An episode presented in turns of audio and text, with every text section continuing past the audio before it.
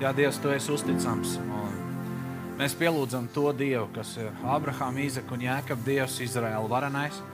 Mēs pielūdzam to Dievu, kas ir atklājies kā Tēvs, Dēls un Svētais Gars. Un mēs pielūdzam to Dievu, pie kura ved tikai un vienīgi viens ceļš, patiesība un viena dzīvība, proti, viņa dēls Jēzus Kristus. Šo Dievu mēs apliecinām, šo Dievu mēs pielūdzam. Viņš ir taisns Dievs, viņš ir svēts Dievs, viņš ir mūžīgs Dievs, viņš ir varens Dievs, viņš ir mūsu patvērums, viņš ir mūsu stiprā pils, viņš ir mūsu klints. Zem viņa spārniem mēs esam patvērumā. Tas kungs ir mūsu sargs, tas kungs ir mūsu vairogs. Mums ir derība ar viņu, jaunās derības asinīs, kas ir, kas ir nostiprināts ar Jēzus Kristus taisnības upuri. Kungs, Jēzus Kristus, mēs tev pateicamies, ka tu esi kopā ar mums līdz pat pasaules galam. Tu esi savas draudzes galva, tu esi savas draudzes priekšnieks. Un, kungs, mēs gribam dzirdēt, mēs gribam dzirdēt no tevis. Es ticu, ka ik viens vēlas dzirdēt no tevis, no tava labā gara. Un kādam varbūt ir jādzird šodien tēva balss, kādam šodien ir jādzird dēla balss, kādam ir jādzird svētā gara balss bet viss tas kopā, tik un tā, esi tu, taisnais, svētais Dievs. Paldies Tev par Tavu žēlastību un paldies Tev par Tavu žēlastības laiku.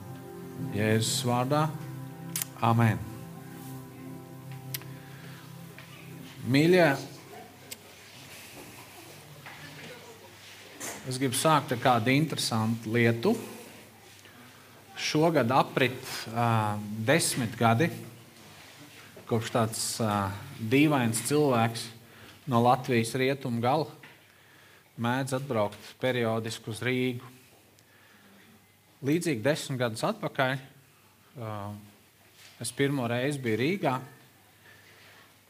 Toreiz draudzes Dieva mājas bija pie laimes pulksteņa. Es nezinu, neatceros, kā to ielu sauc tādā ļoti garā viesnīcas telpā. Es ceru, ka kāds atcerās, kur tas ir un kad ir dinozauri no tiem laikiem. Pterodaktīļi. Ja? Nē, nē, neņemiet personīgi. Vienkārši draudzē ir savu vēsturi. Un es atceros, ka toreiz man teica, tādu instrukciju devu. Tu nebaidies, aizbrauc, tur ir forši, labi cilvēki nerunā pārāk gari un pasaka, kas tev uz sirds, un esi tāds, kāds tu esi, un neko nesarežģīji. Pirmajā reizē man šķiet, man tas izdevās. Bet pēc tam, pēc tam es nezinu, cik daudz reizi jūs esat bijuši laimīgi manās vizītēs, vai nelaimīgi, gluži kā pie laimes pulksteņa. Bet tiešām jau desmit gadi ir pagājuši. Tā kā savu veidu jubileju manī. Un saistībā ar desmit gadiem es jums gribu pastāstīt vienu liecību, ko es stāstīju kādiem cilvēkiem personīgi, bet es gribu viņu jums pastāstīt. Un es ar šo liecību gribu iedot, uzsist toni, iedot perspektīvu un palīdzēt mums būt tādiem pazemīgākiem, izturīgākiem un pateicīgākiem. Šī liecība ir apmēram 150 gadus veca. Es, diemžēl, esmu aizmirsis šīs meitenes vārdu, bet viņai bija desmit gadi. Līdzīgi kā man kalpošana šai pusē, jubileja ir desmit gadi. Un šī meitenīte, tas, tas bija Amerikā. Un viņa, viņai tēvs lika aiziet uz veikalu un kaut ko nopirkt. Es vēlreiz saku, šai meitenei bija desmit gadi. Un uzreiz es gribu piebilst, ka viņai bija tikai desmit gadi. Un ejot uz veikalu, pēc tēva nosūtītās preces, sanāca tā, ka viņi gāja garām parkam, kurā evanģēlists vēstīja labo vēsti par Jēzu Kristu. Un tā meitene savā sirsniņā sajūta tādu aicinājumu, šis desmitgadīgais bērns, kad viņa aizmirst par tēva uzdevumu un ar ārkārtīgām slāpēm klausījās vēst par Jēzu Kristu. Protams, un viņa bija tik saviņota, un viņa bija tik stiprināta tajā, ka viņa, viņa visu ņēma sevi iekšā kā sūklīts. Un aizskrēja mājās, neizpildījām tēva uzdevumu veikalā, jo tik svarīgi un dedzīgi viņai likās tā vēsts. Un tēvs neizdomāja neko vairāk, neko būdams bezdievis, ļoti negatīvi no, noskaņots pret kristietību kā tādu. Viņš viņu ārkārtīgi smagi piekāva. Tas liekas vaiprāts, bet mēs nebūtu nesam galā. Un tad pagāja pavisam neilgs laiks, diena, divas. Viņš atkal sūtīja viņu uz, ar līdzīgu uzdevumu uz veikalu, šo desmitgadīgo savu meitu.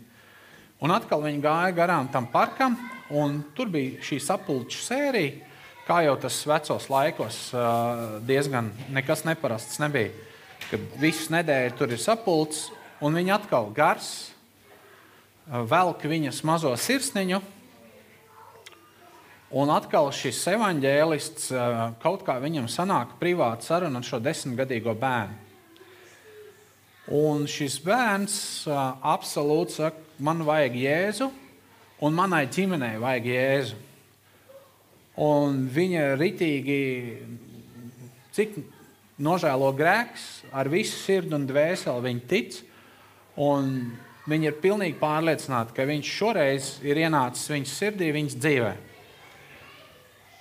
Un šis mazais evaņģēlists, desmitgadīgais, saprot, ka svarīgāks par visiem veikaliem un visu dzīvi ir, ka Jēzus, kas ir viņas sirdī, tagad ir vajadzīgs viņas tētim, kurš viņu iepriekšējā reizē piekāva, un viņas mātei, kura neko nevarēja izdarīt, lai nu, stājoties, es teikšu, šim ap, apmātam, vaiprātīgam tēvam pretim. Bet nu, tāds viņš bija. Tumsa ir tumsa. Un šis bērns pārgāja mājā un pateica šādus vārdus. Desmitgadnieks. Otrajā reizē, nedēļas laikā, cilvēks ir evanģelizācijas sapulcē. Un teica, tēti, mammu, es neatnesu to, pēc kā es biju sūtīts, bet es jums atvedu jēzu, un viņš ir manā sirdī, un jums viņa arī vajag tēvu pārņēma tik neprātīgas dusmas, ka viņš viņu tik ļoti smagi piekāva līdz asinīm. Kad kaut kādas dienas vēlāk šis desmitgadīgais bērns nomira no gūtajām traumām. Tā ir fiksēta liecība. Bet tad, kad viņa bija uz savas nāves gultas, viņa bija palūgusi kādam no tiem, kas ir apkārt, atnesiet man lūdzu to manu kleitu, kurā es biju, kad tēvs man izdarīja pāri, jo viņi bija asiņaini. Un viņa pati nespēja, bet viņa teica, nogrieziet stūrīti no tās kleitas, kur ir mans asins virsū. Un tad, kad viņai prasīja, kāpēc tas ir vajadzīgs, viņa teica, es gribu pierādījumu, es tūlīt tikšos ar Jēzu, un viņš ir izlējis savus asins par mani. Un es gribu tādu pierādījumu savā rokā, kad es tūlīt sastapšos ar viņu, kad es esmu izlējusi savus asins par viņu. Uz ko es cenšos likt akcentu? Un viņi nomira.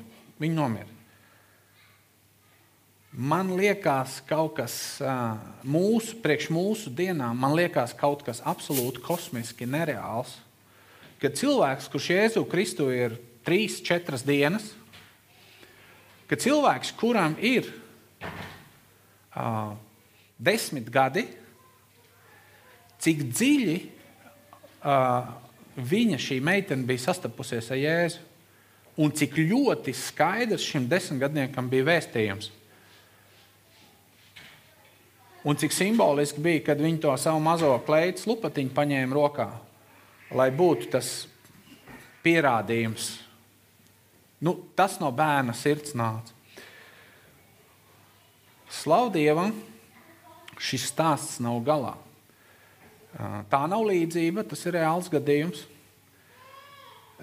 Viņas vecākie redzot šo bērnu, šī bērna ticību, svētajam garam līdzdarbojoties, un pēc tam glabājot viņa šo asiņaino kleitas gabaliņu rokā, viņi nāca pie ticības Kristum. Pie visa vesela saprāta, pie visa vesela saprāta, es līdz galam nesaprotu šo liecību.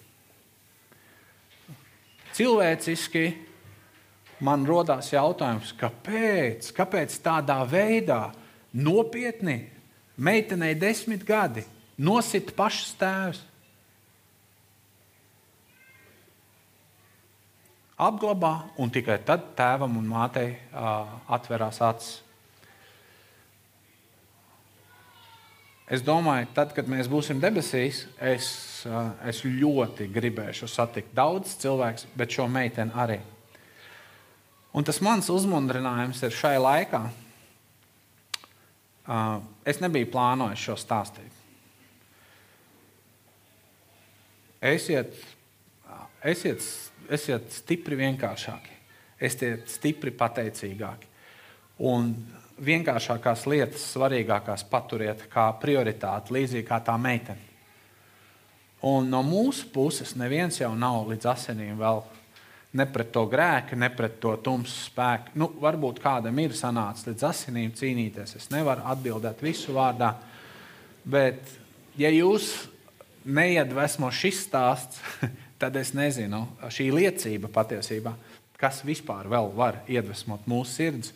Nekurnēt, būt pateicīgākiem un izdomāt, ej, šis bērns bija Kristū 3-4 dienas tikai, un viņš ir Jēzus Kristus asins liecinieks. Man tas īsti, manā galvā tas normāli neliekas. Un man ir jautājums, varbūt, ko es esmu varējis nest desmit gados tam kungam un tā kunga draudzē, kas būtu tik vērtīgs, kā šī meitene pāris dienās izdarīja ir par ko padomāt, vai ne? Šīs dienas vēsti, un tas, tas tie nav pārmetumi, tā ir perspektīva. Ja? Nevajag justies tur slikti vai vainīgam, vajag iedvesmoties no ticības varoņiem. Ja? Un vēl ticības varoņa vēstules ebrejiem 11. nodaļā. Un tur ir daudz, daudz. Ja? Nav solīts, ka viss būs ideāli, ja? kad tu kalpos Dievam.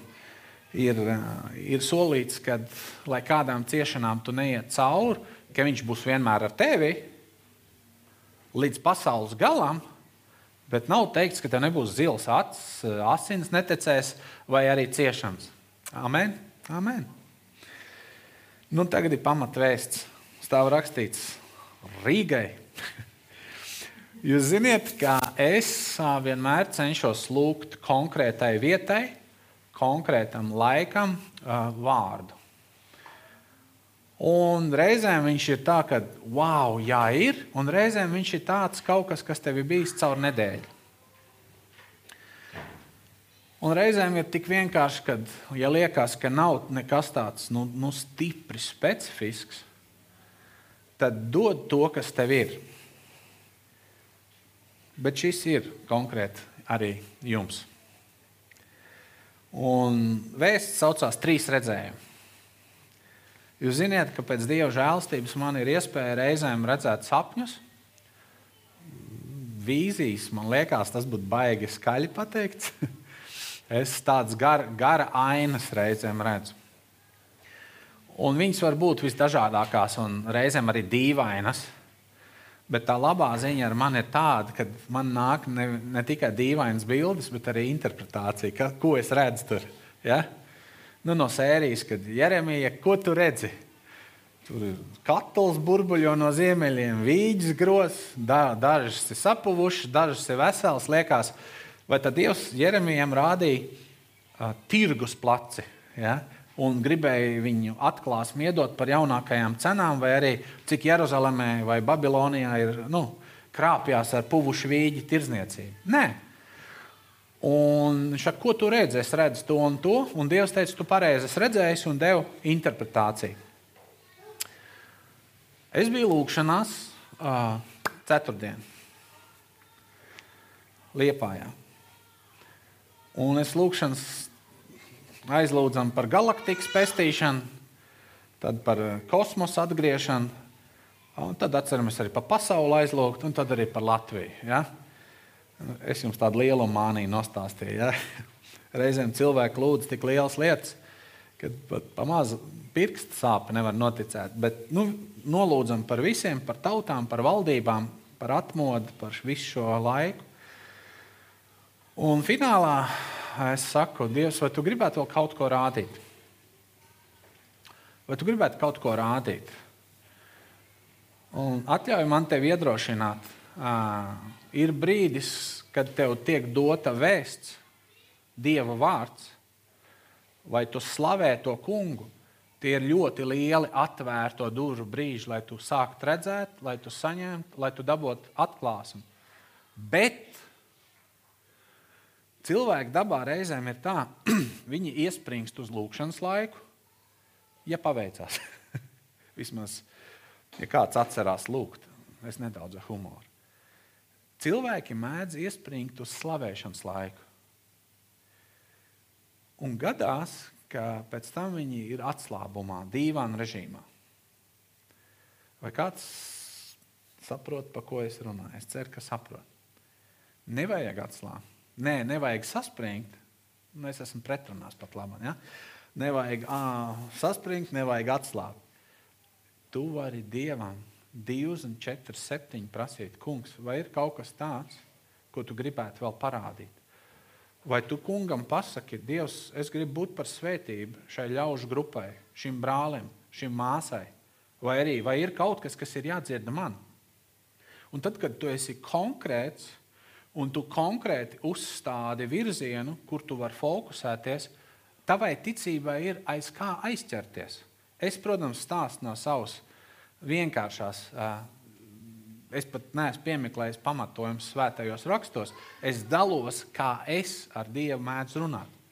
Un es to iemācījos.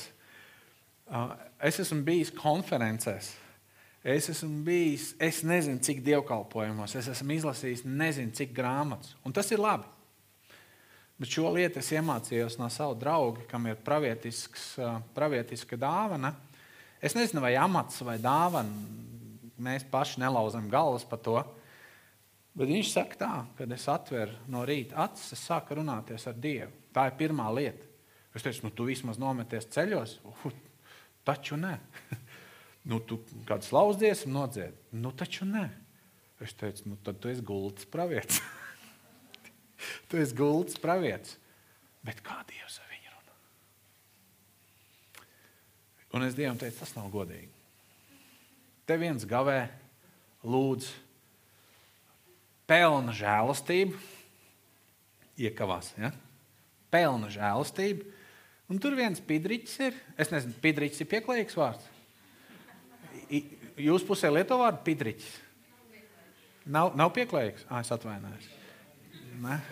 Nu, es labprāt dzirdētu kādu sinonīmu, bet nu, tāds, viegli, tāds vieglprātīgs brālis vai māsa. Un viņš dzird no tevis. Tas nav pēc rakstiem. Bet viņš dzird tev. Un, ziniet, tad Dieva balss dzirdēšana reizēm ir tā, jo vairāk tu saspringsti, nē, fokusam ir jābūt. Bet jo vairāk tu saspringsti, jo mazāk tu dzirdi. Es nezinu, vai es drīkstu tā runāt, jo es pēc tam mācīšu kaut ko citu, bet kaut kā tev ir jāiemācās atslābt. Un jau saka, Nu, kungs norunā uz mani. Un vai nu tas būs redzējums tā? Labi, viss īsi pamācība mīlēšanā beigusies. Trīs redzējumi. Es jau jūtu, kad es sāku stūrēt no disciplīnas projām. Un tad jums būs ilgais ceļš kāpās. Ja, ka, ja. Trīs redzējumi. Šonadēļ redzēju trīs redzējumus vai garīgas ainas. Pirmais saucās ļaunu un labu atzīšanas koks. Otrais saucās cūkūts, āķis un barība. Un trešais saucās vilciņš. nu, jūs zināsiet, man redzējuma līmeni. Cūkūts līmenis, vilciņš un ļauna un laba atzīšanas koks. Kurš zina, par kādu vilciņu varētu būt runa? Atcerieties, ir tāds, ja? Un ir vilciņi bez skaņas, un ir vilciņi, kurus. Ja? Bet vilciņi iekustina cik rokas? Viena roka. Viena roka, un, un jo ātrāk viņi griež, tad mm, skaņa parādās. Ja? Par tādu vilciņu būs runa. Bet uh, es esmu dalījies arī uh, Facebookā uh, par kādām no šīm lietām, bet ļoti kompaktā versijā. Ļaunu un labu atzīšanas koks. Uh, lūdzu to kungu, redzu varenu, skaistu koku. Un es prasu, okay, kas tas ir? Ļaunu un labu atzīšanas koks. Nu, super, labi. Un Jums ir jālūdz, jums ir mani jālūdz. Nu, ne tā kā man Paulu, bet jums ir jālūdz mani, Dievs runā pirmā personā, lai jūs spētu atšķirt ļaunu no laba, kreiso roku no labās rokas. Es uzreiz saprotu, kas tur ir. Garā tu saproti. Ah, oh, oh, jā, mums ir jālūdz eh, labā no kreisā rokas. Zini, kas tur ir vēl? Kāds vēstījums iekšā?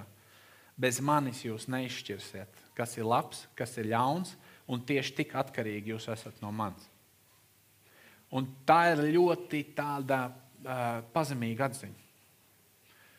It īpaši jau liela, liela dižgalva ticīgajiem, dižatklāsmi ticīgajiem.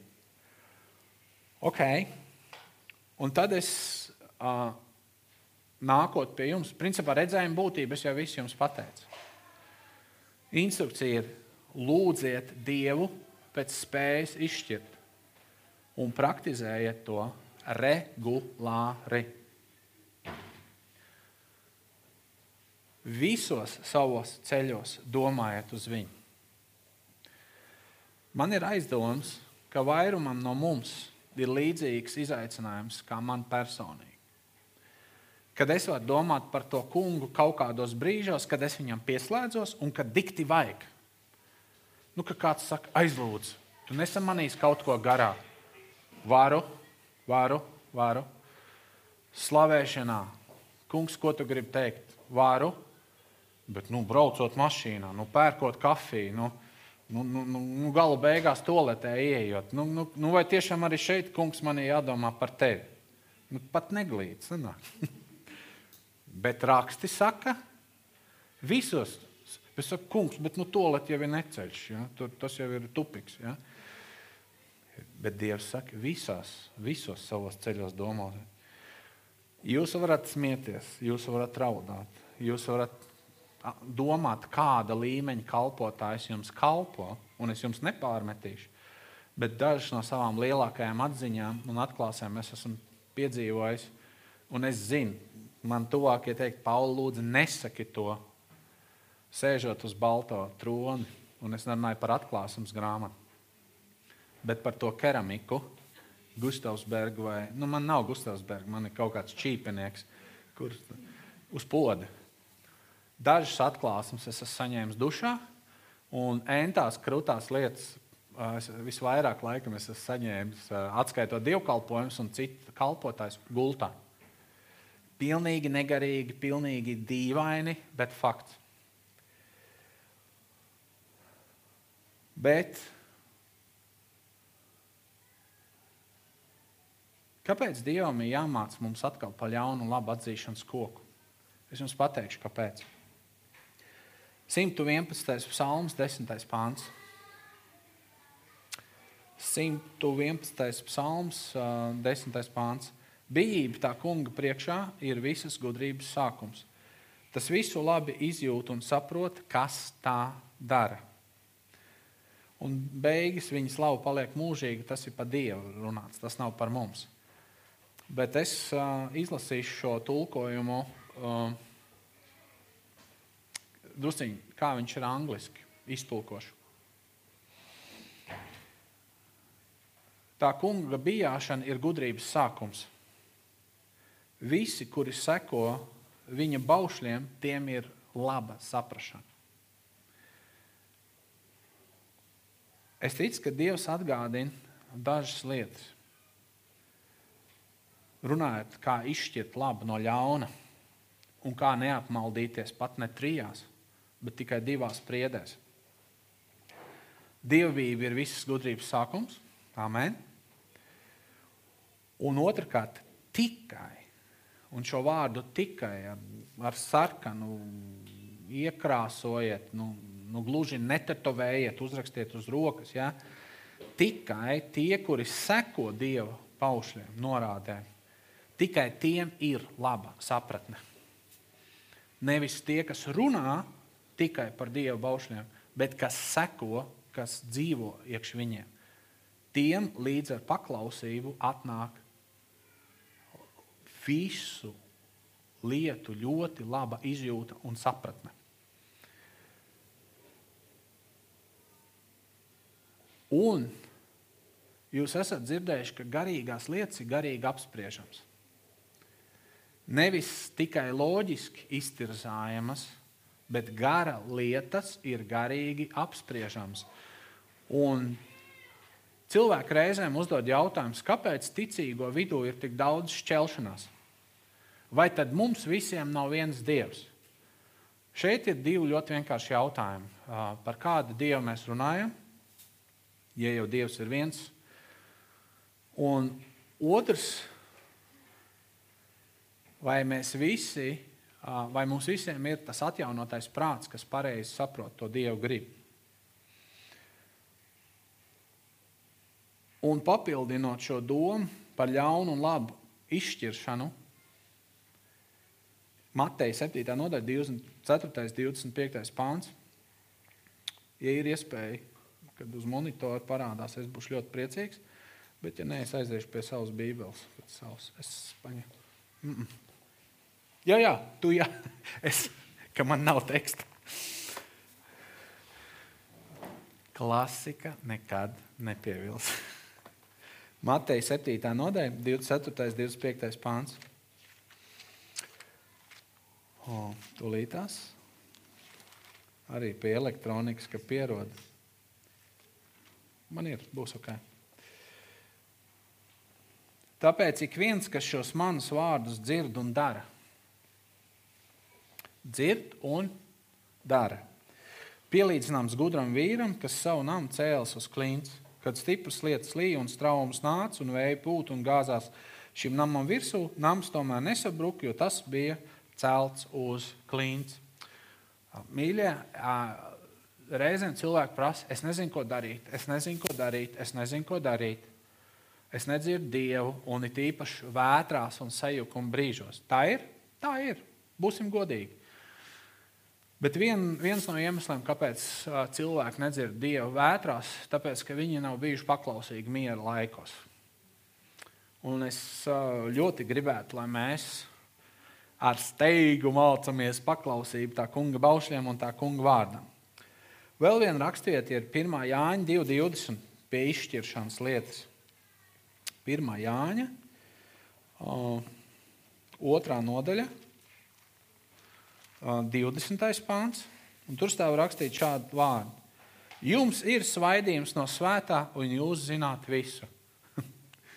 Mulcinošs apgalvojums. Ja? Jums ir svaidījums no svētā, un jūs zināt visu.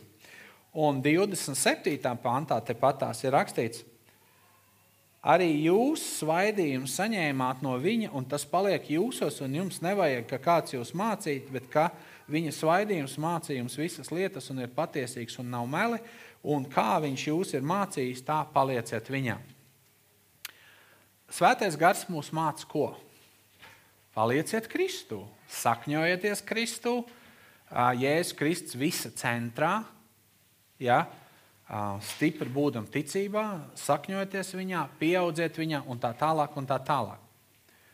Un jums ir uh, svaidījums no svētā.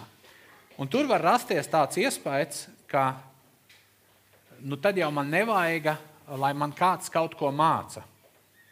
Bet ziniet, par ko ir konteksts?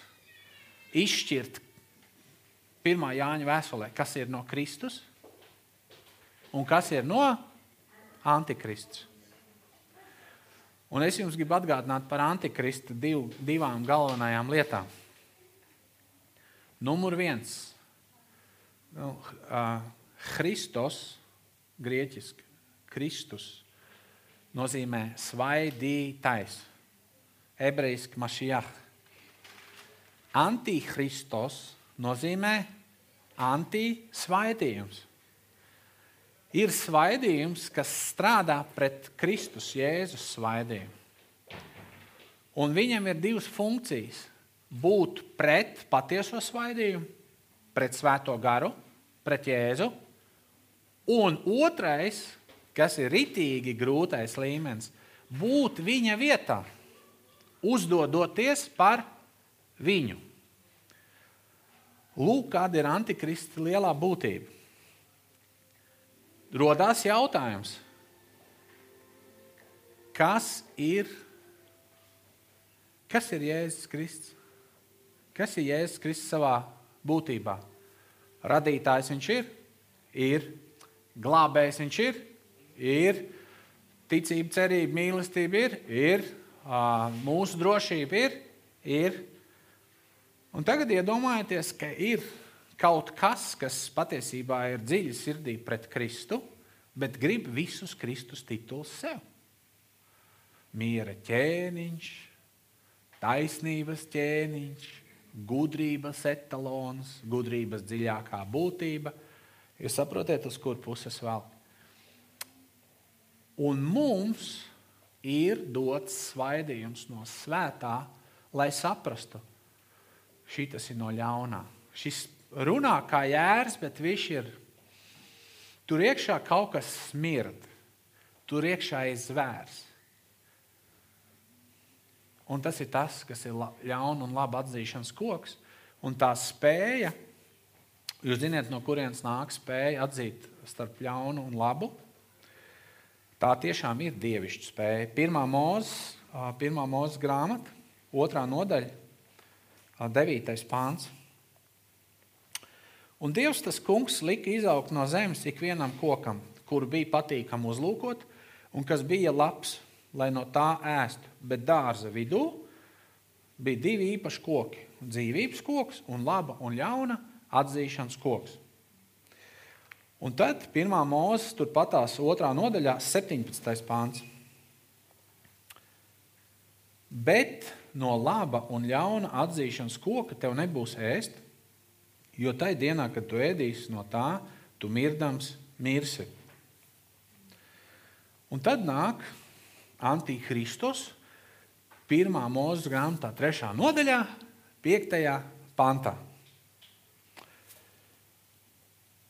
Patiesībā ceturtajā. Jā. Tad čūska teica sievai, jūs mirt nemirsiet, bet Dievs zina, ka tajā dienā, kad jūs no tā ēdīsiet, jūsu acis atvērsies un jūs būsiet kā Dievs, zinādami labu un ļaunu. Ko es gribu pateikt? Lūdzu, mīļie cilvēki, neapvainojieties, un es neapvainojos arī pats, nu, neuzmet lūpu, bet bez Dieva mums, nav izšķirtspējas. nu, nav. Tā ir dievišķa spēja. Tajā ziņā vēlns nebija melojis. Jūs, bet viņš teica, jūs būsiet kā dievi. Tur ir ietots vārds Elohim, daudz skaitlī. Labi, neiesim, runāsim vienkāršā valodā. Ja? Jūs būsiet kā dievi, un jūs zināsiet, kas ir labs un ļauns. Spēja zināt, kas ir labs un kas ir ļauns, viņi ir absolūti dievišķi. Tikai tas vēlna pienāvājums bija tāds pats kā mūsdienās. Cilvēks visam mēra aukla, jums dievu nevajag, paši būsiet dievs. Paši noteiksiet standartus, paši būsiet gudri, paši sevi glābsiet, bla, bla, bla.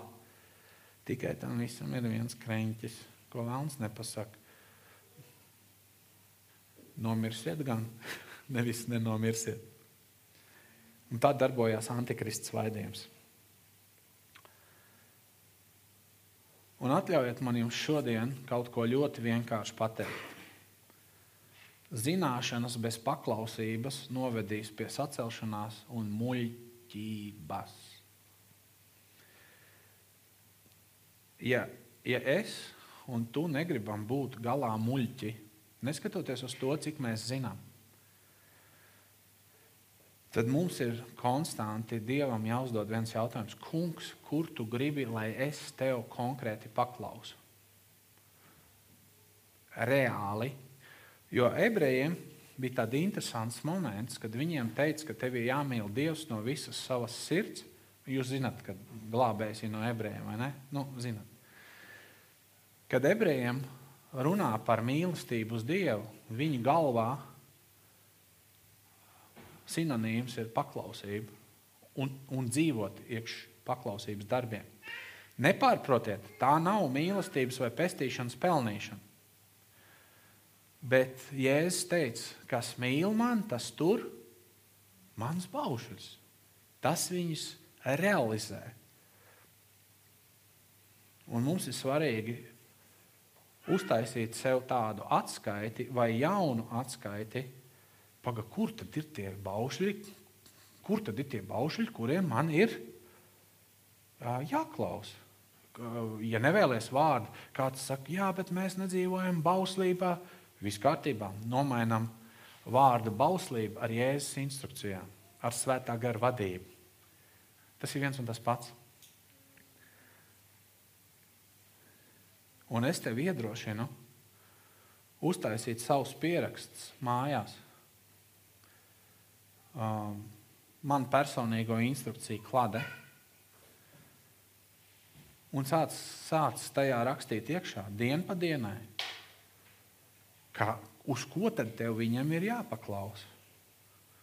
Un tur būs tādas, tādas nodaļas kā liecināšana, lūkšana, gavēšana, mīlēšana, došana. Tur būs ļoti daudz.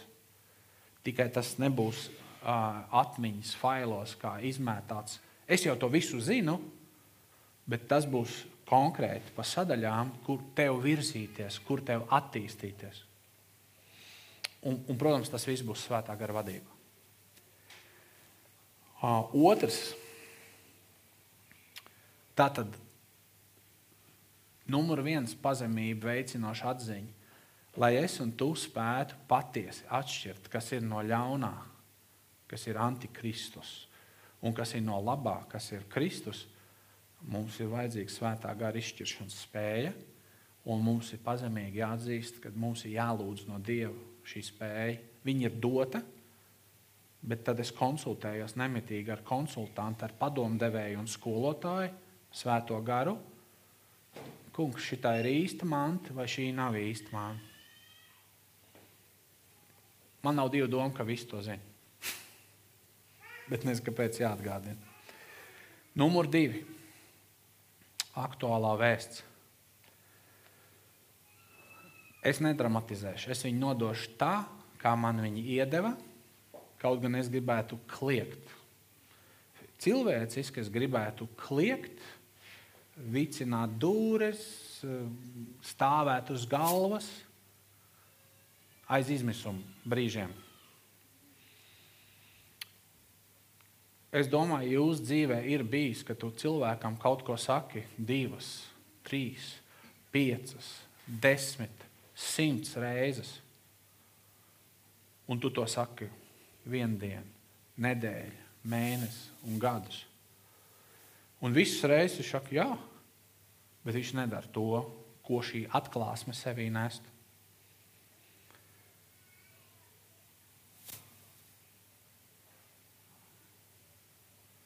Un tāpēc ir redzējums numur divi, redzējums par cūkūti. Es nezinu, vai es esmu gluži precīzi, bet nu, es teikšu tā, nu, cūks baro ar daudz ko. Bet tā kā es redzēju, viņš baro ar, ar kaut ko, ko varētu nosaukt par samazgām. Samazgas ir pēc definīcijas ir ūdens, kurā ir mazgāta ēdiena trauki un kurā peld ēdienu paliekas. Es atceros, mums laukos, tas bija ziemas pusē. Cūku kūts bija tādā vecā, vecā ēkā, kas bija palikusi no mūžas laikiem. Viņa bija ļoti tumša, tur bija mazs lodziņš, to pašu mušas bija aizķēpājušas ciet, aizkakājušas. Un tās cūkas dzīvoja tādā šaurā, tā tādā betona aizgaldā, un tur bija koka durvis, diezgan izpujušas, dzelzs aizšaujamu. Un, ja kādreiz aizmirst to dzelzs aizšaujumu, aiztaisīt ciet, tad bija cūku festivāls mūžā. Ja? Tas bija vienkārši, tas bija, tagad Emīļa nedarbos un vēl vairāk. Ja? Un es redzējumā redzu atkal lūkšanas laikā šo cūku kūti.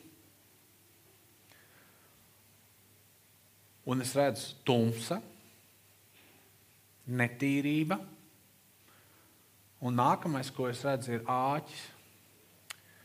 Āķis, eh, tas ir tāds liels kalts āķis, kad cūks nokauj viņu kaut ķermeņus pakar uz āķiem. Es domāju, tie, kas ir saskārušies ar to, ļoti labi zina, par ko es runāju. Un tur viņi izlaiž iekšā, viņai apstrādā, nosvilina tur, cik nu tās spalvas uz tās cūkas ir. Nejauks skats. Jā. Iespējams, kādi jūs pēc šīs reizes vai cūgaļu netiks. un es redzu to āķi, un es nostriegu tajā redzējumā. Un neuztraucieties, ja jūs redzat un nostriegat kaut kur, turpināt lūgt skaidrojumu, interpretāciju Dievam. Okay? Lūdziet un nepadodieties. Un es saku, kam tas āķis ir? Nokau, nu, kad viņi nokaušanai, viņas, viņas baro uz nokaušanu. Ar ko viņas baro? Ar samazgām, ar netīrību, ar, ar kaut ko, kur kaut kāds ēdiens ir klāts, bet ar visādi veidu drāmķību. Un es teicu, ko, ko nozīmē šis redzējums? Šis redzējums ir par to, lai mana tauta nēd cūku barību. Lai mana tauta nēd cūku barību. Es teicu, kungs, es sapratu, bet kas ir cūku barība?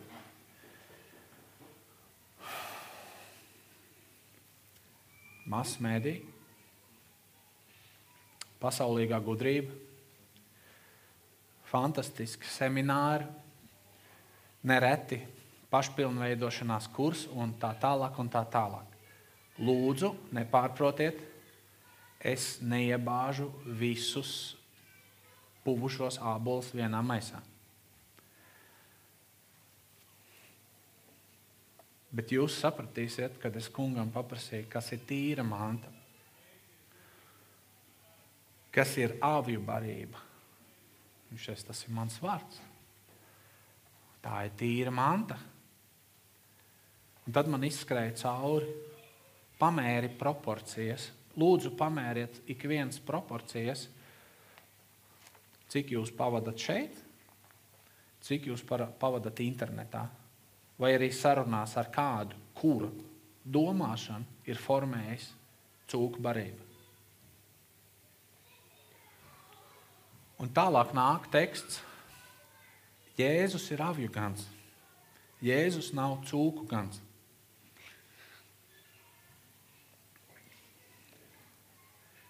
Un nepārprotiet, nav tā, ka šeit kāds vārtās dubļos un, un à, vēstījums Rīgai mūs uzskata par cūkām un avs atbrauc no ēdienas dārza liepājas pusē, un nu, te augstprātīgi liek viss, pa, lai tālu no tevis ir šāds domas. Bet šī vēsts ir arī jums. Es pateikšu primitīvu piemēru.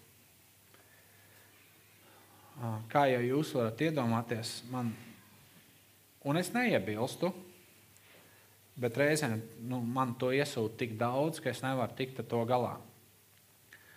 Mācītāji, paskaties to, paskaties to, ko tu domā par šito, ko tu domā. Tur man vajadzētu piecas dzīves, lai to visu noskatītos.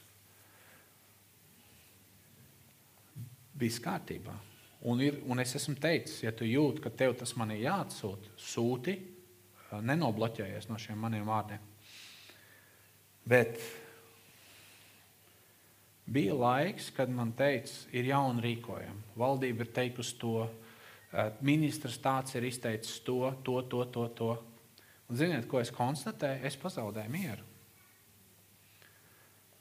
Es, un, un, un man cilvēki, visi, kas barojās no tās masu mediju silas, Nē, nu es saprotu, ka ir likuma LV. Es saprotu, ka kaut kas jau tev ir jāzina. Es saprotu, ka ir prognozes, kādas būs lietus, sniegs. Un tad es izslēdzu visu ārā. Jūs gribat zināt, cik ātrā laikā es atguvu mieru? Divas, trīs dienas. Es jau nesaku, nocērt sev pirkstus, ne, neskaties nekādas ziņas. Bet zini, ko Dievs man parādīja? Ot, atver to Apollo, atver to Delfiju, nu, atver to TVNet un nu, es nosaucu tur populārākos. Lūdzu, izdariet, paņemiet A4 formātu lapu mājās un tā. Lūdzu, es jūs ļoti lūdzu, izdariet šo mājas darbu. Un tagad uzlasiet labas lietas, labas lietas, neitrālas lietas, pilnīgi ļaun, ļaunums un, un la, trīs stabiņi, ček, ķeksīšu zīmējam. Jūs būsiet ļoti pārsteigti. Tās ir tās samazgas. Cūkām arī silē ieliek kartupeļus, pampālīšus novārītas. Cūkām ieber graudus un ir vispār uh, cūkopi, kas viņas baro ekscelenti. Bet es redzēju redzējumu no savas bērnības. Un tad nāca teksts mīļā šāds, un tas ir nopietni, par ko es runāju. Lai cūkas, cūkas baro nokaušanai, lai viņas nokautu, viņas baro ar cūku barību. Tāds ir plāns. Plāns galā ir āķis un cūku bērns.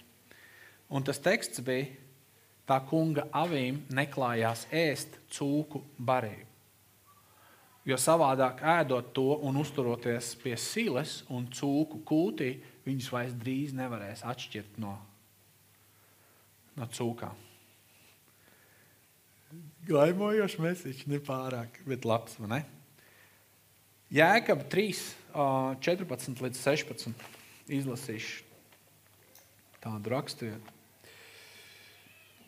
Jēkab 3, 4 līdz 16. Mhm. Bet, ja jums sirdī ir rūkta skaudība un ķildes, tad nelielieties un nemalojiet pret patiesību. Tā gudrība nav no debesīm, bet no zemes, nākoša no dabas, no sātana. Jo kur ir skaudība un ķildes, tur ir juceklis un visāda nelietība. Tagad uzdosim sev godīgi jautājumu. Tā informācija, ar ko ir piepildīta masas mēdī un interneta vide, un televīzija, un laikraksti un žurnāli. Vai tās ir samazgas, vai tas ir labs, tīrs ēdiens? Atbildiet tik viens pie sevis. Un es Dievam atbildēju. Es teicu, kungs, es personīgi atbildēju, kungs, tās pavisam noteikti tās ir samazgas. Un ziniet, ko es izdzirdēju savā garā? A, ko tad tu viņu sēdi? Wow, šitam, es nebiju gatavs šim jautājumam. Es teicu, jā, kungs, tās ir samazgas, aleluja, man ir atziņa par to. Nākot, tu viņu sēdi. Es ceru, ka tu sajūties labāk, jo nu neglīts. Es esmu jūsu priekšā. Un kāds teiks, nu es jau tikai ziņas izlasu. No, kas tad tajā ziņās ir rakstīts? Un tagad iedomājieties, bijušajā mūžā netīru cūku kūti, kur mušas ir pilnīgi loga aizlikušas ciet. Tāpēc mušām ļoti patīk cūku kūts. Mušām vispār patīk di. Un tagad iedomājieties, es tevi ievedu iekšā. Sacīt, jūs zināt, kā bāze bups ir nosaukts par mušu ķēniņš? Gaisa valsts princis. Prince, angliski Prince of the Air. Ateros, eteros, ēters, ifir, pārraide. Un es tagad tevi ievedu iekšā, jebkuru no jums. Mēs ēdīsim picu un garšīgi rudens āboli būs. Nu, tu domā, uz kuru restorānu mēs iesim? Kafejnīca? Mēs iesim uz Big Cafe. Un tad kaut kas jauns atvērties. Jā, kaut kas jauns. Un es tevi ievedu iekšā, tumšs, netīrs. Bzz, jā, tur tā ir kaut kāda gaismas noskaņa radīta, ja, skaņas efekts, smird, svaidījums, svaidījums. Ja. Loks aiztaisīts ciet. Un tagad mēs ejam iekšā, tur, kur ir uh, pigrūms, pigrūms ja, cūkistaba aizgalds un saka, ķeselē ārā, ņem cik tu gribi.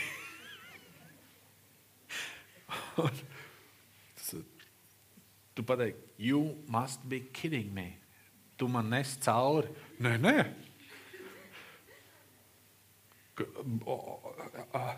Ko? Vai tas ir ēdiens? Ir. Akīs lepis. Un tagad iedomājieties, ka garīgi skatoties, Es tev tagad saku, ej, Delfos, ej, Apollo. Tur nerodās jautājumi. Nu, pārsvarā nerodās. Ejam tālāk. Jūs zināt, bija tāds fantastisks apustulis Smits Viglsfords. Miroņus tur cēlīja, un bērns jau cārā. Savu sievu piecēla no miroņiem, 45 minūtes, jau 2 stundas aprunājās un teica, labi, ej apakaļ pie tā kunga.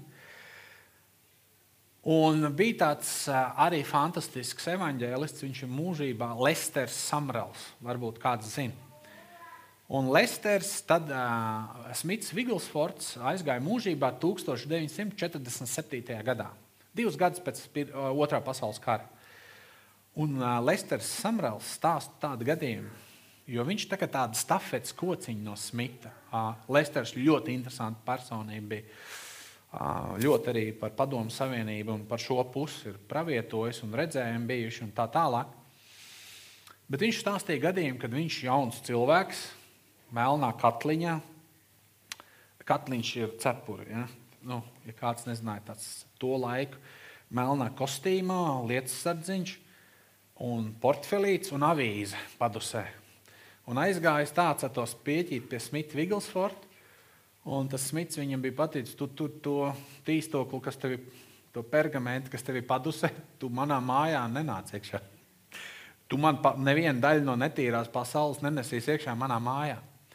Un jums ir jāsaprot, ka tā laika prese nebija tik pretīga un perverta, kā viņi ir tagad. Nu, tur bija savu pikantumu. Es esmu redzējis ieraksts ar puspliks dāmas zīmējumu, ja? bet ne tuvu tas, kas darās tagad. Un viņš nebija ļāvis viņam ienākt ar avīzi savā istabā. Var jau teikt, Smits Viglsfords ir, nu, nu, nu, nu, nu, tas ir perebors, latviski, nu, drusciņ pa traku. Nu, bet tas vecis taču mirušos cēla augšā. Evanģēlijas sludināja. Atmodu ienes pilsētās.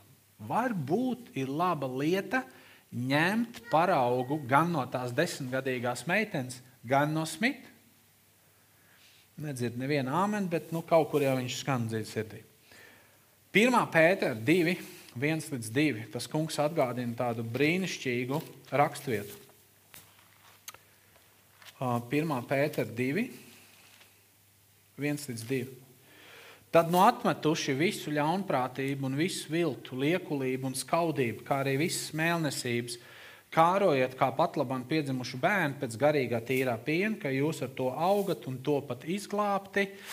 Pareizi būtu jābūt, ka jūs ar to pieaugat savā glābšanā. Tad, kad Dievs tevi izglābi, tad, kad tu esi pestīts Jēzu Kristu, nākamais posms ir pieaugšana šajā pestīšanā. Un, ja es pareizi saprotu Pēteru, tad ja es un tu mēs neatmetam visu ļaunprātību, viltu, liekulību, skaudību, mēlnesības, un runājot par mēlnesībām, runiet par tenkām, baumām un ļaunām runām, kur ir ļoti daudz tanks, baumas un ļaunas runas. Pirmkārt, cilvēku starpā, otrkārt, masu mēdījos. Un es saprotu, ja es un tu to neatmetam visu, tad runa par pieaugšanu īsti, vismaz pēc Pētera, nevar būt. Varētu gadīties, ka ticīgie lasot šo raksturvietu, domā, tas jau jauniem ticīgajiem, bērniem Jēzu Kristu. À, nu tad, kamēr tu esi desmitgadīgs bērns un tici Jēzum, tev jādzīvo tīra, šķīsta un svēta dzīve, un laikam ejot, drīkst jau sānsoļus, nu taču nē. Salamām panācības 4. nodaļa, 7. pāns. Salama pamācības 4. nodaļa, 7. pāns. Īstās gudrības sākums ir, ja to labprāt klausās, un ja tā cilvēkiem ir mīļāk par visiem labumiem kopā. Es pamēģināšu iztulkot viņu no, no, no viena ļoti NESB tulkojuma. Gudrības sākums ir iegādājies gudrību. Gudrības sākums ir vispār sācis sistematizēt un iegādāties gudrību. Un ar, visam, ar visu savu īpašumu iegūsti saprāšanu. Tas ir precīzāks tulkojums no ebreju valodas. Tātad, mīļie, mums ir ļoti jālūdz Dievs pēc izšķirtspējas un pēc gudrības. un specifiska gudrība, ko mēs ēdam un ko mēs nēdam.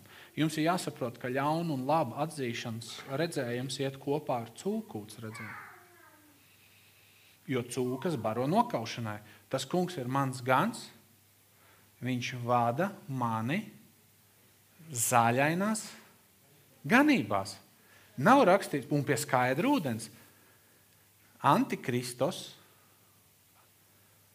Kad viņš kļūst par ganu un vadītāju, viņš vada uz cūku kūti, pie tumsas, pie neskaidrības, pie siles, pie samazgā, un attiecīgi barojot ar to, degradē cilvēku, lai viņi pēc tam varētu no sākuma apzakt, otrā stadijā aplaupīt un trešajā nokaut. Un tagad ir redzējums par vilciņu. Ceru, ka izturēsiet vēl redzējumu par vilciņu. Redzu redzējumā vilciņu. Tas jau bija tieši konkrēti domājot tikai kādu vēltu atvest jums. Vakar finalizēja. Griež roku vilciņu, viena roka, viena roka to dara. Man bija ļoti žēl, bet tā nebija dieva roka.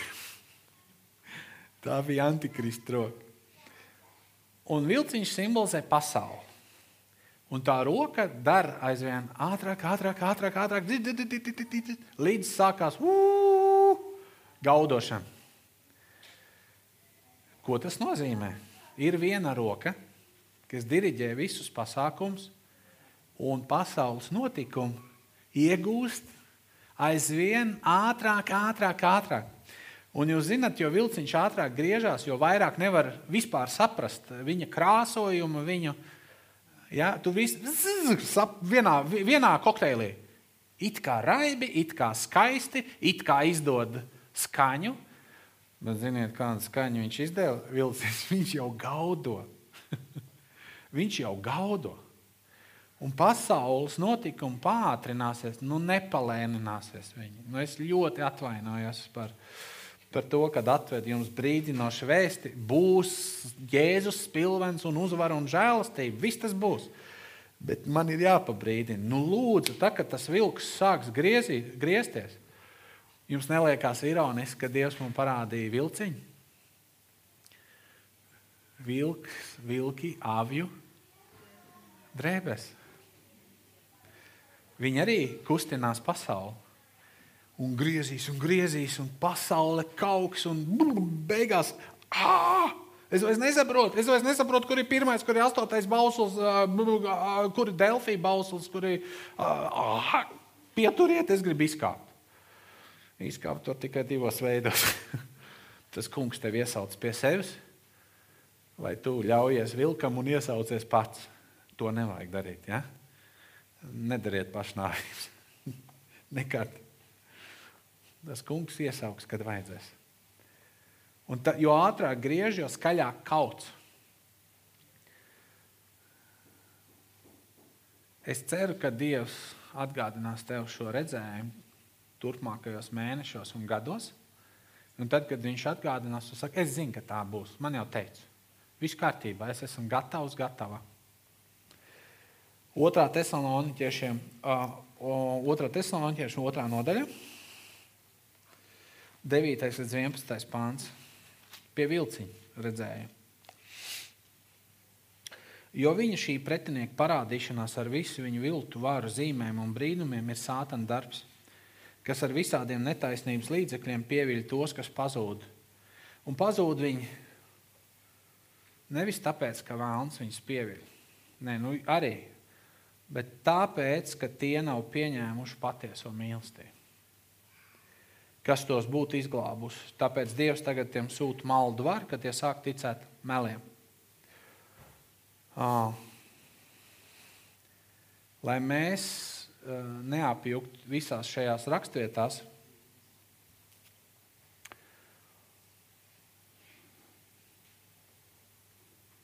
Dievs prasa no mums tikai pāris lietas. Vissvarīgākā lieta ir mīlestība uz patiesību mīlestību uz patiesību. Jo, ja mēs kaut kādā mērā iemīlēsim melus, nebūs labi. Es uh, dienas atpakaļ runāju ar kādu sievieti, kur ir ļoti nopietnā krīzē.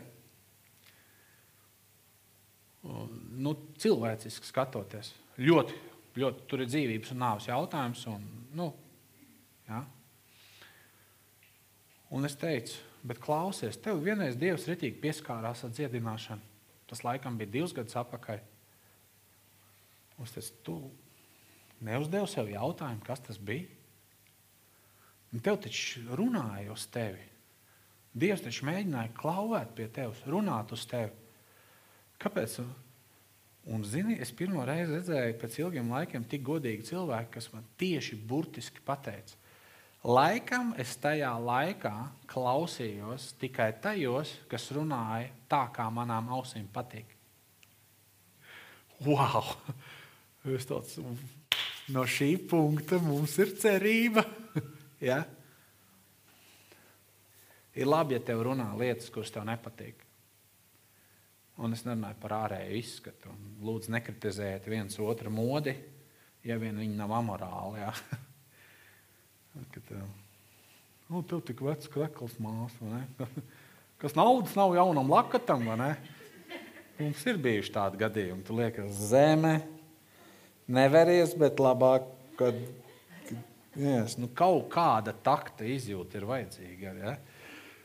Citādāk ne tur sātans bija vainīgs, nekas, bet liekas, brāl, tu tik reti zobi.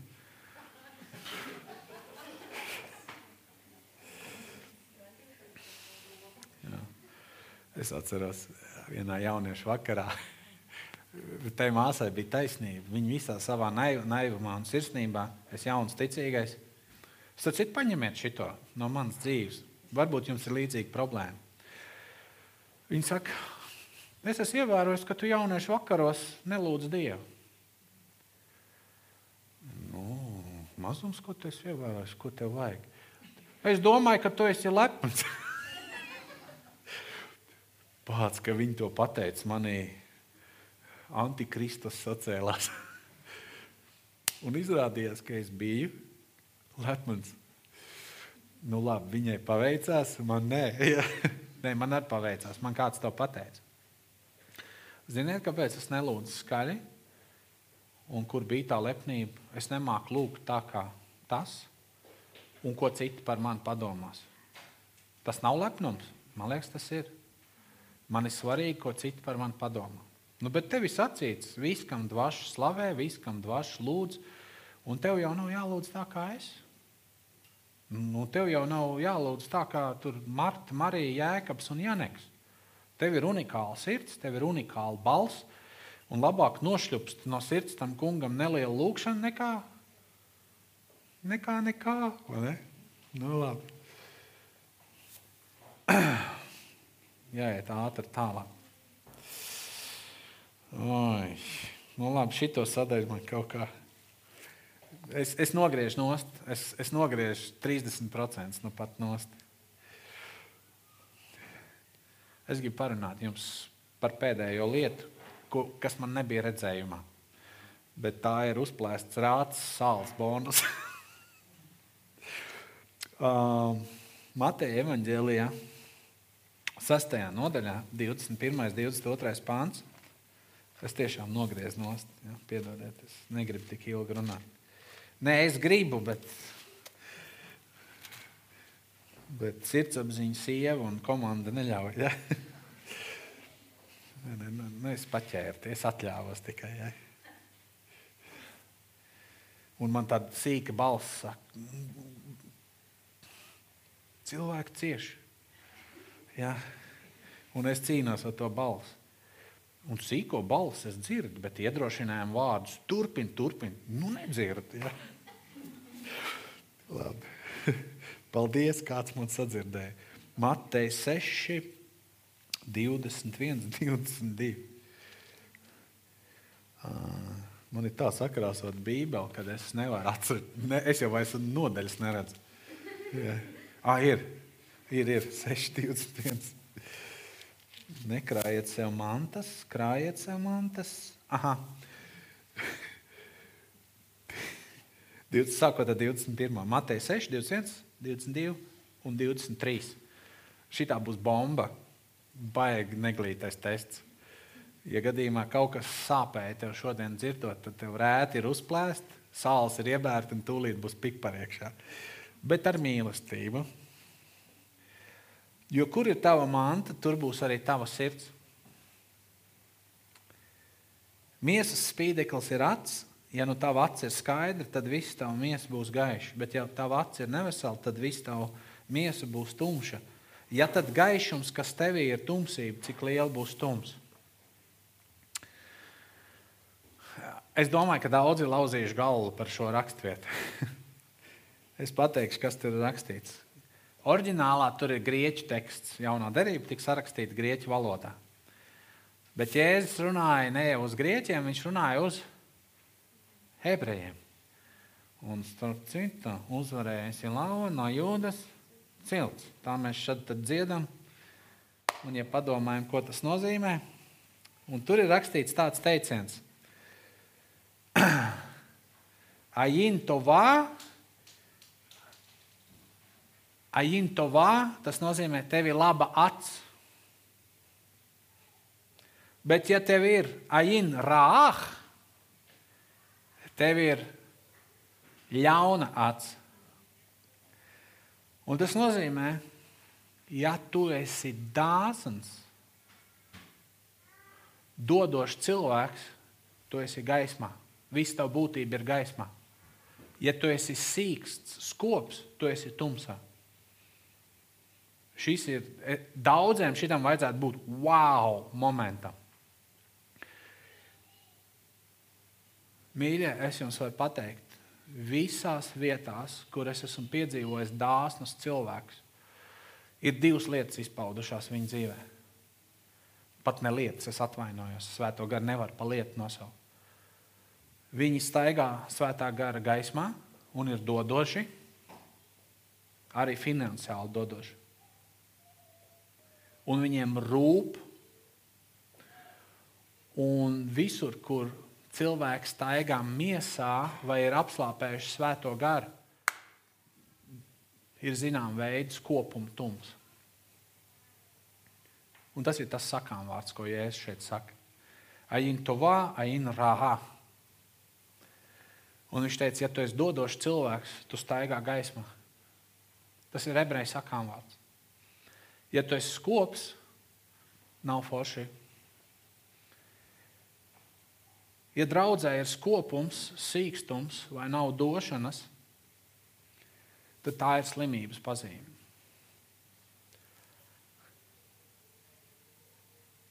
Un sakot šos vārdus, es nesaku, ka ot, mums tur ir tik daudz slimo, vai mēs esam ļoti slimi ar to. Es tā maigi gribu pateikt, mums ir ļoti liela vieta izaugsmē.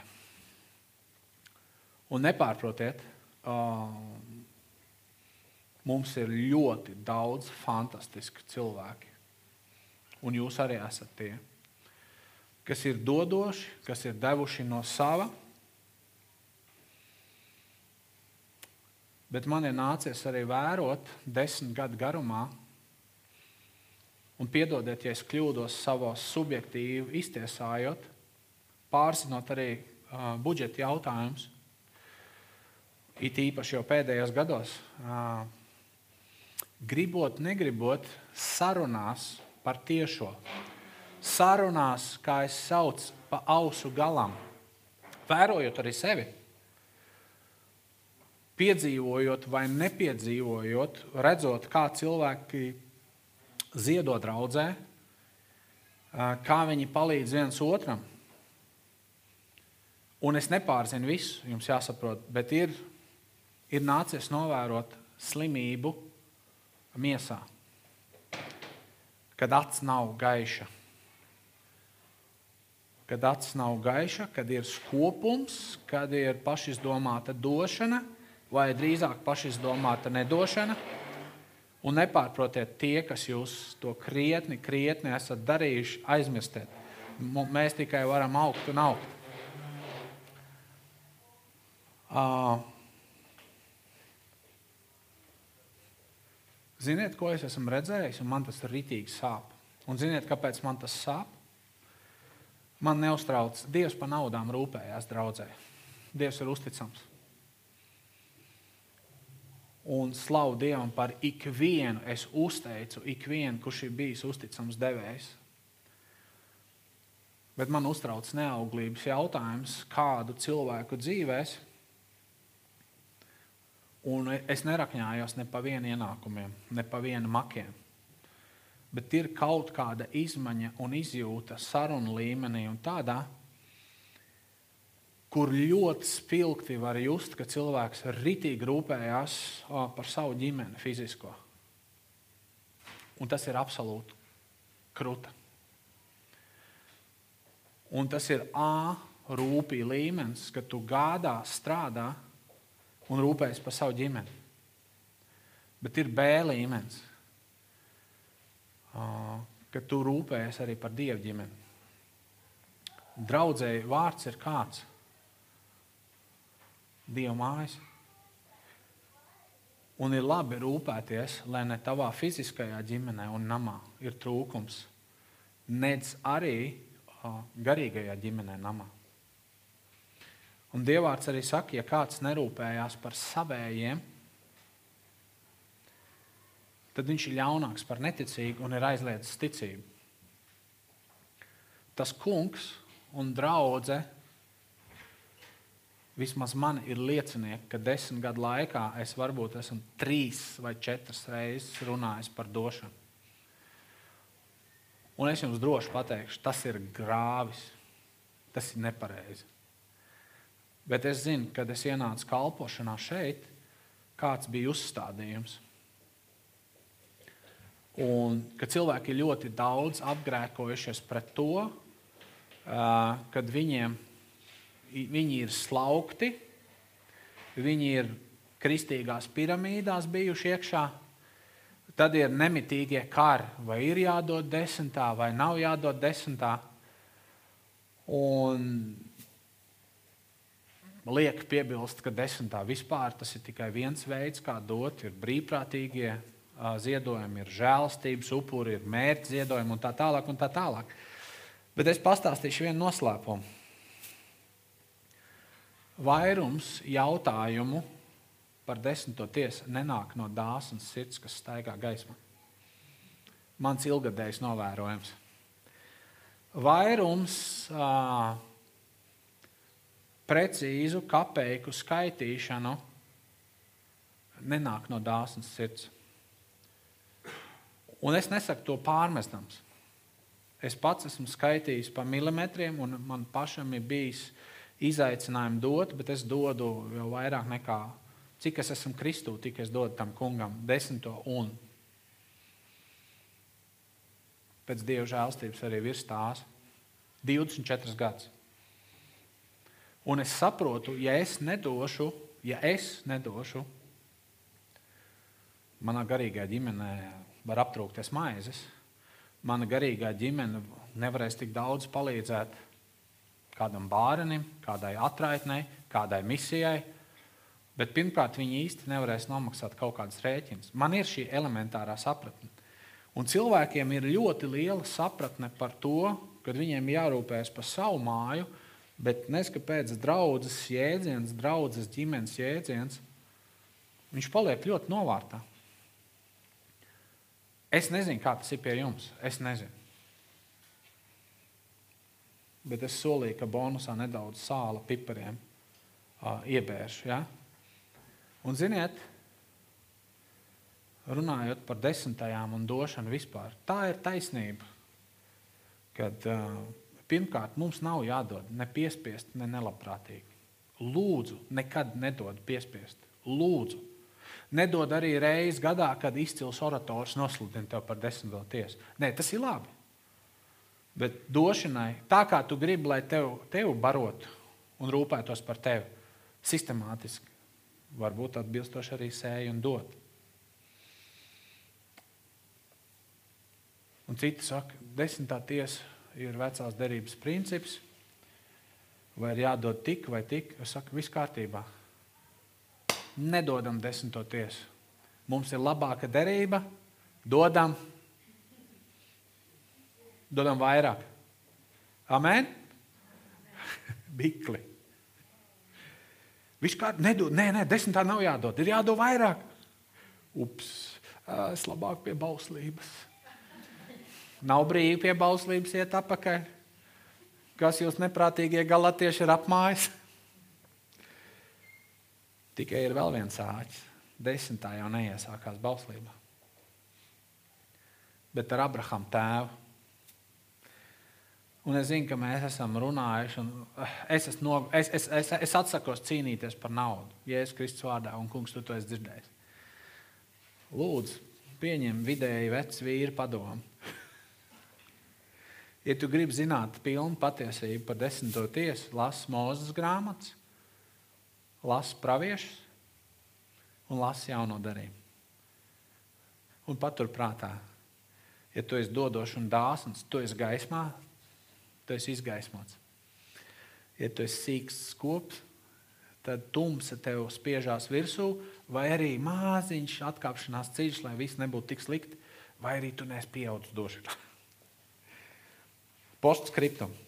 Jūsu lūgšanas ir atbildēts, es beidzu. Mīl to kungu, mīl viņa patiesību, mīl viņa cilvēks, mīl savus ienaidniekus. Un tu būsi pasargāts, tu būsi nodrošināts, tu staigās gaismā, un tums no tevis bēgs. Un atceries, kā Dievs ir pierādījis savu mīlestību uz mums. Kā Dievs ir pierādījis savu mīlestību uz mums? Dodot savu vienu piedzimušo dēlu. Lūdziet pēc izšķirtspējas starp labo un ļauno. Atmetiet garīgās samazgas savā ikdienas pārtikā. Kārojiet pēc Dieva vārda, slāpstiet pēc viņa gara. Lai vārds bagātīgi mājo jūsu vidū, nevis tanks un mazs mēdī ziņas, lai bagātīgi nemājo jūsu vidū. Esiet dodoši, rūpējieties viens par otru, nesiet cits cita nastas. Tā jūs piepildīsiet Kristus likumu. Jūs pazīst nevis pēc atziņas un atklāsmes līmeņiem, bet pēc reālām mīlestības izpausmēm un darbiem. Amen. Mēs aizlūgsim par šo vēsti, un mums būs jātur arī vakarēdiens. Un eh, šajā brīnišķīgajā vakarēdienā, pēc lūkšanas par šo vēsti, mēs vienkārši pieminēsim, cik daudz Jēzum maksāja, lai mēs varētu lai mēs varētu būt kopā ar viņu. Ziniet, cik daudz viņam tas maksāja? Vienā vārdā - visu. Visu. Viņš izlaiž visu savu dzīvību. Un asins, jūs zināt, kad, mies, kad dvēseles dzīvība ir kur? Asinīs. Jēzus izlēja savus asins ceļā līdz krustam un krustā septiņas reizes. Visiem patīk septiņi, skaitlis septiņi, kā dieva pilnības skaitlis. Tā, un tāds viņš arī ir. Tad tas nozīmē, ka Jēzus pilnībā izlēja visu, cik jau nu viņam bija. Un beigās pēdējā asins izliešana reize viņam bija tad, kad romiešu virsnieks jau šo agonijas nomocīto cilvēku, kurš bija uh, saucis no sākuma Eli, Eli, Lamaza Bahtanī, kas tad citi ir aramiešu valodā. Un aramiešu valoda bija Jēzus bērnības valoda. Kā teica vienreiz Dereks Prins, kad cilvēki mirst nost, viņi runā. Pat ja viņi zina vairākas valodas, viņi runā vienmēr kaut kā bērnības valodā. Un tas bija tieši tas brīdis, kad Jēzus teica, Eli, Eli, Lamaza Bahtanī, Viņš runāja aramiešu valodā. Viss bija atdots, viss bija izliets, viss, lai mums būtu. Un Dievvvārds saka, kāds viņš bija šai pasaulē, tādiem arī jābūt mums. Debes Tēvs, mēs Tev pateicamies, Kungs, par Tavu vārdu.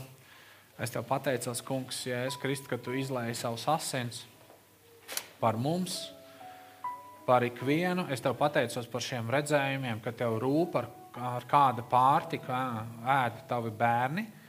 Un tu, kungs, esi gans, kas veda viņus uz zaļainām ganībām, kas vada viņus pie skaidra ūdens, kas viņus iedrošina un vienkārši šad tad drusciņi pakoriģē.